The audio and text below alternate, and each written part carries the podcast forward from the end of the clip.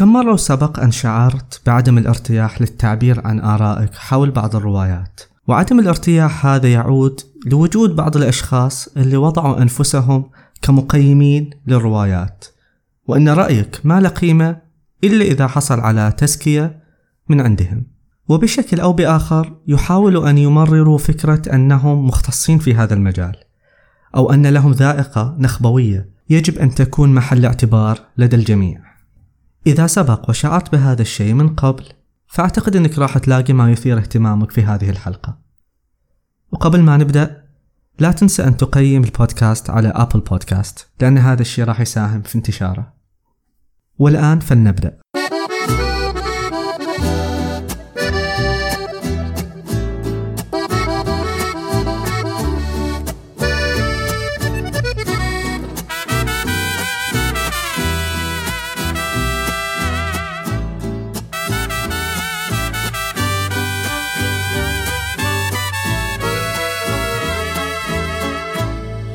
Tus ojos y no eres. أنا حسين الضوء وهنا الكنبة الصفراء. من الطبيعي أن نقوم بسؤال من نثق بذائقتهم عن آرائهم حيال بعض الأعمال الأدبية. بالذات اللي تتشابه ذائقتهم معنا. لأن هذا طريقة لتفادي الوقوع في كتاب سيء يستنزف جهدنا ووقتنا وحتى مزاجنا. هذا بالإضافة إلى الطرق الأخرى اللي نستخدمها عادة للوصول إلى الكتب والروايات اللي تناسبنا مثل قراءة مراجعات القراء على الجودريدز أو تصفح الكتاب وقراءة الملخص في الغلاف الخلفي. لكن تبقى الطريقة الأولى هي الأكثر استخداما وربما حتى الأكثر نجاحا في الوصول إلى مرادنا خاصة عندما نكون قد قرأنا الكثير من الكتب. وعرفنا اللي نبحث عنه في بطون الروايات والأدب. وعليه نستطيع أن نقيس مدى تقارب ذائقتنا مع الآخرين. لكن اللي أقصده في عنوان هذه الحلقة هو شيء آخر. المرجع الأدبي المقصود هو هذا القارئ الذي يقدم نفسه بين قوسين على أنه ناقد ويحمل على عاتقه تمرير أحكام قيمية على جودة العمل الأدبي. ويقوم الناس بانتظار رأيه لمعرفة جودة أي عمل أدبي وكأنه هو المرجع الذي يستفتى حيال هذه الأعمال. بل أن بعضهم يستاء عندما لا يسأل حيال الأعمال الأدبية وكأنهم تعدوا على حق من حقوقه. في هذه الحلقة راح أبين ليش فكرة المرجع الأدبي في حد ذاتها هي مجرد هراء وأنها لا تستند على أي شيء معرفي. الجانب الأول في هذا الموضوع يتعلق بنظرية المعرفة. لو أردنا تعريف نظرية المعرفة نقدر نقول بكل سهولة هي المنهج والطريقة التي تصل بنا إلى معرفة ما. وهذه المناهج تختلف فيما بينها من حيث الانضباط وموثوقية مخرجاتها. إما بسبب نظرية المعرفة أو بسبب طبيعة الحقل المعرفي ذاته. على سبيل المثال النظرية العلمية أو ما يطلق عليها بالإنجليزية بالساينتفك ميثود وهي الطريقة المتبعة في البحوث والدراسات المتخصصة بالعلوم الطبيعية والتجريبية هي على قدر كبير من الموضوعية والدقة مما يسهل تخطئة وتصويب مخرجاتها. وكل معطيات الأبحاث التي تتبع هذه النظرية المعرفية قابلة حتى للقياس وتحديد مقدارها كميا. وهذا اللي يجعل مخرجات ما هو علمي موثوق ورصين. لكن في الحقول المعرفية الأخرى يمكن يكون الأمر مختلف شوي. لأن نظريات المعرفة المتبعة فيها مختلفة أيضا. بعض هذه الحقول غير تجريبية ومخرجاتها غير قابلة للتصويب والتخطئة عبر القياس الكمي. أو نقدر نقول أن نسب الخطأ فيها أكبر مثل الدراسات الميدانية اللي تكثر فيها المعاملات التي لا يمكن تحديدها أو السيطرة عليها. والجدير بالذكر هنا أن نظريات المعرفة المختلفة هي أيضا تتغير وتتطور مع مرور الوقت. مثال الثورة التي قام بها فرويد في علم النفس حيث أعاد صياغة نظرية المعرفة بعد تقعيد فكرة العقل الباطن. وأيضا هناك مثال آخر وهو محاولة العالم دوركهايم في تقديم نظرية معرفة رصينة تخص العلوم الاجتماعية تساوي في رصانتها نظرية المعرفة العلمية. بتفصيل أكثر، سلطة الحقل المعرفي اللي إحنا نسميه الحقل العلمي لا تكمن في الأشخاص أنفسهم وإنما في نظرية المعرفة. نظرية المعرفة العلمية استطاعت أن تتطور وتصل لمرحلة تقلل فيها من نسبة الذاتية أو نسبة الآراء فأغلب الاشتغال المعرفي العلمي هو اشتغال موضوعي مختلف الأشخاص يستطيعون القيام بذات التجربة والحصول على نتائج شبه متطابقة وحتى هذه الاختلافات البسيطة في منتجات هؤلاء الأشخاص تستطيع دراستها والوصول إلى سبب هذه الاختلافات وربما حتى تحديدها كميا. هذا الفرق بين نظريات المعرفة هو سبب رئيس في كون صاحب الاختصاص يمثل سلطة في مجال تخصصه أو لا. فمثلا الفيزيائي وهنا أقصد الباحث وليس فقط أي شخص حامل على شهادة في الفيزياء لو قدم هذا الفيزيائي رأي أو دراسة متعلقة في الحقل المعرفي الفيزياء فغير المتخصص يقبلها بحكم أن الباحث صاحب سلطة معرفية في مجاله سلطة معرفية تستند على السلطة المعرفية لنظرية المعرفة ذاتها ولأن هذه الدراسة تمت مناقشتها ومراجعتها من قبل مختصين في الحقل المعرفي المنضبط من حيث نظرية المعرفة والموضوعي إلى حد كبير. فنجاح هذا البحث يعني أن هذا البحث القابل للتخطئة الصارمة اجتاز هذه التخطئات. فنحن كأفراد غير مختصين في هذا الحقل المعرفي نقبل بحكم المختصين في هذا الحقل المعرفي ذات المساحة الذاتية الضئيلة. ونقبل اجتيازه للنقاش العلمي. بينما في الحقول المعرفية الأخرى أو بعضها وبسبب مساحة الذاتية فيها بحكم نظريات المعرفة المتبعة فيها فإن أي بحث أو دراسة في هذه الحقول المعرفية قد نراها معتبرة وذات قيمة ليس لأن نتاجها صحيح ومثبت بالضرورة وإنما لأنها أفكار صالحة للنقاش ومطروحة بشكل تفصيلي يقبل الأخذ والرد وأدوات البحث فيه مفعلة بشكل متسق وتمثل وحدة موضوعية معتبرة. أعتقد صار واضح اللي قاعد أحاول أقوله. الفنون والأدب بشكل لا خلاف عليه ينطبق عليها ما قلنا حول نظريات المعرفة التي لا يكون صاحب الاختصاص فيها ذو سلطة معرفية يمرر من خلالها أحكام قيمة. نظريات المعرفة في الحقل المعرفي المسمى بالفن أو الأدب قائم بشكل رئيس على النقاش والأخذ والرد وهي ما يثريه. وجود شخص نرجع إليه ليعطي حكم قيمة نافذ هو مجرد هراء. ومن يمارسه هو أشبه بمن يمارس بلطجة ثقافية. وفرض سلطة مفتعلة لا تستند على أي مسوغ معرفي. انطلاقا من النقطة الأولى المتعلقة بنظرية المعرفة في الأدب والفنون واختلافها عن نظريات المعرفة الأخرى وأهمها النظرية العلمية، نستطيع أن ننطلق الآن إلى النقطة الأخرى المتعلقة بهذا المختص في هذا الحقل المعرفي، وبالتحديد الناقد. نستطيع أن نقسم هذا المختص في هذا الحقل المعرفي أو الناقد إلى قسمين ناقد أكاديمي والقارئ الناقد الذي يعتمد على الذاتية المحضة في تقديم قراءاته ونقده للنصوص. هنا لن أحاول أن أخطئ أو أرجح أيا منهما على الآخر، وإنما سأستعرضهما في إطار موضوع هذه الحلقة، وهو المرجع الأدبي. إضافة إلى السبب السابق المتعلق بنظرية المعرفة، هناك أيضا أسباب أخرى لعدم إمكانية وجود مرجع أدبي تخص كل من؟ الأكاديمي والقارئ المعتمد على الذاتية. وهنا سأشير لهذا بالقارئ المثقف للاختصار. بالنسبة للقارئ المثقف هناك من يقرأ ويقدم انطباعاته حول النص ومنهم أيضا من يمرر حكم قيمة حول النصوص. مثلا أن يقول هذه جيدة وهذه مملة أو سيئة كانطباعات شخصية تعبر عن مزاجه عندما قرأ النص. دون محاولة فرض سلطة معرفية لانطباعاته أي أنه لا يدعي أن هذه الانطباعات مبنية على مستند معرفي نظري وأنا هنا غير معني بهذا القارئ لأنه لا يقدم نفسه كمرجع أدبي وليس هناك من يراه كذلك.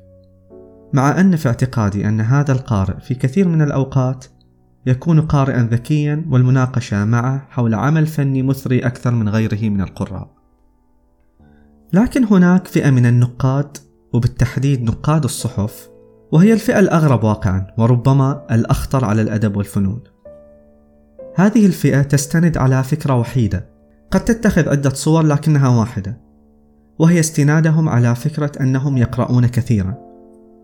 قد يظهر هذا عبر اقتباساتهم الكثيرة على وسائل التواصل الاجتماعي واستخدام الكثير من الرفرنسز الأدبية حول شخصيات روائية أو أحداث روائية معينة أو أيضا يضعون أغلفة لكتب قد تكون أيضا غير مشهورة ويستخدمون هذا الشيء كقوة ناعمة لفرض سلطة على الآخرين وإبراز أنهم أصحاب اطلاع واسع في مجال الأدب والرواية. هذا كله إضافة إلى اللغة الصعبة المفتعلة التي لا يمكن حتى أن تناقشها معه. حتى لو سألت عن معاني هذه المصطلحات ومناقشتها لا تجد تعريفا واضحا يحيلك إلى أرض صلبة وواضحة تبين معنى هذا المصطلح المستخدم عنده. وغالبا ما تكون مقالات هذا الناقد خالية من أي نقد خارج إطار إطلاق أحكام قيمية بل أحيانا يقوم هذا الناقد بممارسات نقدية غير منضبطة منهجيا وربما حتى معرفيا على سبيل المثال أن ينتقص هذا الناقد من رواية لأنها لا تشبه رواية أخرى أعجبته أو إقحام قراءة ناقد من ثقافة أخرى على نص من ثقافة أخرى أيضا على نص عربي دون الأخذ بالاعتبار السياقات الثقافية المختلفة. هذا أيضا دون الالتفات لبعض نقاد الصحف الذين يعيشون حالة أغرب في تعاطيهم مع الأدب، مثل تحويل الروايات إلى ما يعرف بالتريفيا، وهي معلومات هامشية حول رواية محددة. مثلا أن يطرح هذا الناقد على تويتر أسئلة عن شخصيات روائية تحب أكلة محددة، ومن ثم يأتي القراء ليجاوبوا على هذا السؤال. أو يحاول أن يجمع شخصيات روائية ذات صفة محددة في ثريد أو سلسلة تغريدات أو أن يقوم بالشيء ذاته حول روايات تدور أحداثها في ذات المدينة. إلى آخره من هذه الأمثلة. وكل هذه الممارسات في اعتقادي لا قيمة أدبية أو معرفية لها. وربما تكون مفيدة فقط لغرض المتعة. أعتقد أن الخلطة السحرية لمثل هؤلاء النقاد هي الانخراط في حالة طقوسية مع الأدب ومحاولة إبراز هذا الشيء فقط لفرض سلطة معرفية غير موجودة. خاصة وأن الكثير منهم لا يمتلك شهادة أكاديمية في أي حقل معرفي فلا يستطيعون لعب هذه الورقة. وبالتالي هذه الحالة الطقوسية والمزينة بالبازوردز الكلمات الرنانة والفوقية الخاوية هي الوسيلة لخلق هذه السلطة الوهمية على المجتمع القرائي. أي كما أن هناك حراس فضيلة يصبح عندنا الآن حراس أدب يقومون بممارسة وصايتهم على الآخرين. وهذا ملاحظ لما نرى انزعاج مثل هؤلاء النقاد عندما يرون استقلالية القراء عنهم ومحاولتهم لتسطيحهم أو تسخيفهم. دون أن يعي هؤلاء النقاد اللي أغلبهم كبار في السن سيولة العالم اللي نعيش فيه حتى الآن. وما زالوا مهووسين بفكرة النخبة. وغير مدركين للانجراف السريع الذي نعيشه نحو الفردانية. ولذلك الكثير من الشباب لا تهمه سلطة اجتماعية أو فنية. بينما هؤلاء النقاد يزعجهم كثيرا تفكك النخب وإزاحتهم. وهو في نظري ضرورة ملحة بل هي نتيجة حتمية. غير أن الكثير من القراء والمثقفين الشباب لا يحملون مثل هذه الأفكار ذات طابع السرديات الكبرى أو البيج ناريتيف ولا يحاولون تغيير العالم بالطريقة الكلاسيكية المبتذلة والعقيمة. التي يؤمن بها مثل هؤلاء النقاد. نقطة أخيرة في هذا المحور. بعض هؤلاء النقاد ينقل آراء نقاد غرب آخرين دون ذكر المصدر، ويتبناه كأنه رأيه. وبقدر ما في هذا الفعل من عدم أمانة وانتحال وعقدة خواجة أيضا، إلا أنه منطقي ومفهوم أن يقوم مثل هذا الناقد بهذا الفعل. لأنه يؤمن بالمرجعية الأدبية وبالتالي هو نفسه له مرجعياته التي ينقل منها ويقلدها.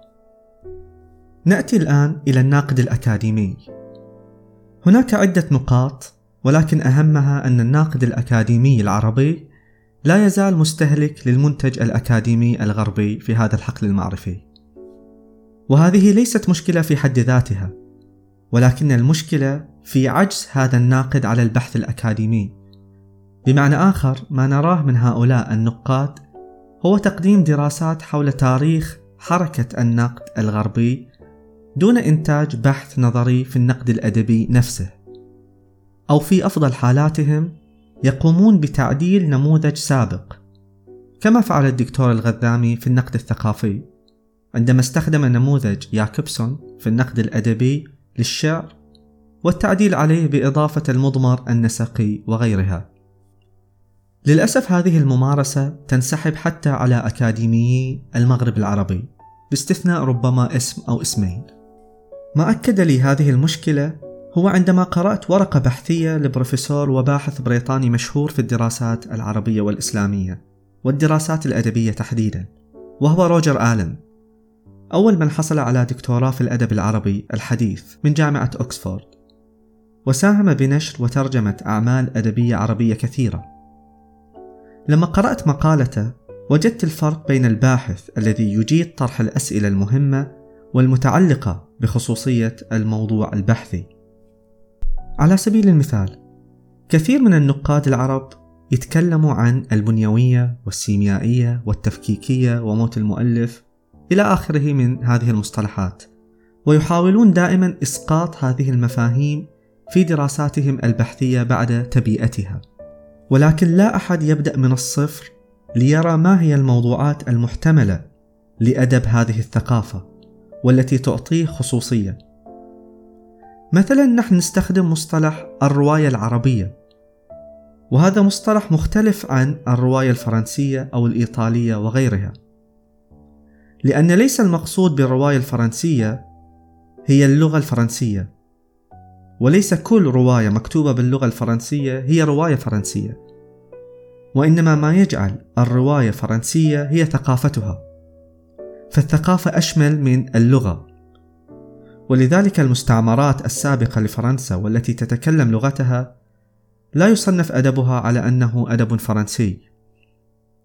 على خلاف مصطلح الرواية العربية الذي نقصد به اللغة وهو تعبير قاصر فالثقافة العربية مختلفة بين بلدان العالم العربي. فالثقافة السعودية مثلا تختلف عن الثقافة الجزائرية وهذا الاختلاف يرجع لتاريخ المنطقتين المختلف. والذي نتج عنه مختلفات ثقافية كثيرة. تجعل من الصعوبة وضع منتجات هاتين الثقافتين في حقل بحثي واحد. فنحن نتحدث عن دولة بها ثلاث ثقافات كبرى كالحجاز ونجد وإقليم البحرين ونقارنهم بدولة بعيدة جغرافيا تعرضت لاستعمار فرنسي وحصلت بها ثورات إلى آخره. وهذان سياقان ثقافيان مختلفان يخلقان قيم مختلفة. قد يصعب جمعها تحت دراسات ثقافية واحدة في الحقل الأدبي. نبهني لهذا الموضوع البروفيسور روجر آلن. عندما حاول أن يجد الخصوصية بين الرواية المصرية والعراقية والسورية عبر الاطلاع على منتج أكبر أدبائها كنجيب محفوظ وفؤاد التكرلي وغيرهم ودراسة أساليبهم السردية ومقارنتها بسياقاتها الثقافية والتاريخية وسبب الاختلاف بينهم. هذا النوع من البحوث قد يؤدي إلى نتائج راديكالية بل قد يقضي على مصطلح الرواية العربية حتى ويثبت هذا الاختلاف الثقافي وبالتالي يؤدي إلى تقديم دراسات نقدية أكثر دقة وأقرب للواقع. عندما تجد شخص من غير ثقافتك ولا يتكلم لغتك كلغة أولى ولكنه قادر على تقديم بحث أفضل من بحوث الأكاديميين العرب فهذا قد يكون مؤشر على عدم معرفة هؤلاء بالبحث الأكاديمي وجزء كبير من جهدهم ينصب نحو استيراد معرفة وتبيئتها وتطعيم كتاباتهم بمصطلحات فخمة يسهل جدا الاستغناء عنها. ولكن بفعلهم هذا وكتاباتهم النقدية غير المفهومة والمملة أيضا يعزف الناس عنهم وبالتالي هم خارج موضوع المرجعية الأدبية أما القلة القليلة منهم التي يلجأ لها الناس فهم يقومون بذلك لأنهم يرون فيهم سلطة اللقب الأكاديمي. ختاما الغرض من الحديث هذا كله هو حماية الممارسة الأدبية والنقدية وخلق بيئة أكثر صحية في تلقي الأدب ومناقشته بشكل أكثر صدقا وأعمق معرفة وأكثر متعة أيضا. فالقراءة والنقد الأدبيين قائمان على الجدل والمناقشة والأخذ والرد بشكل يؤدي إلى تعميق العمل الأدبي وإثراء تجربتنا كقراء. ولا يمكن أن يحصل هذا إلا من خلال الاحتكام إلى النقاش الأدبي المفهوم والاحتكام إلى سلطة النقد لا قائلة. هذا كل ما عندي في هذه الحلقة. أتمنى أني قدمت شيء مفيد. واللي عنده أسئلة أو تعليقات يستطيع التواصل معي عبر الإيميل أو عبر تويتر. شكرا لاستماعكم ودمتم بود.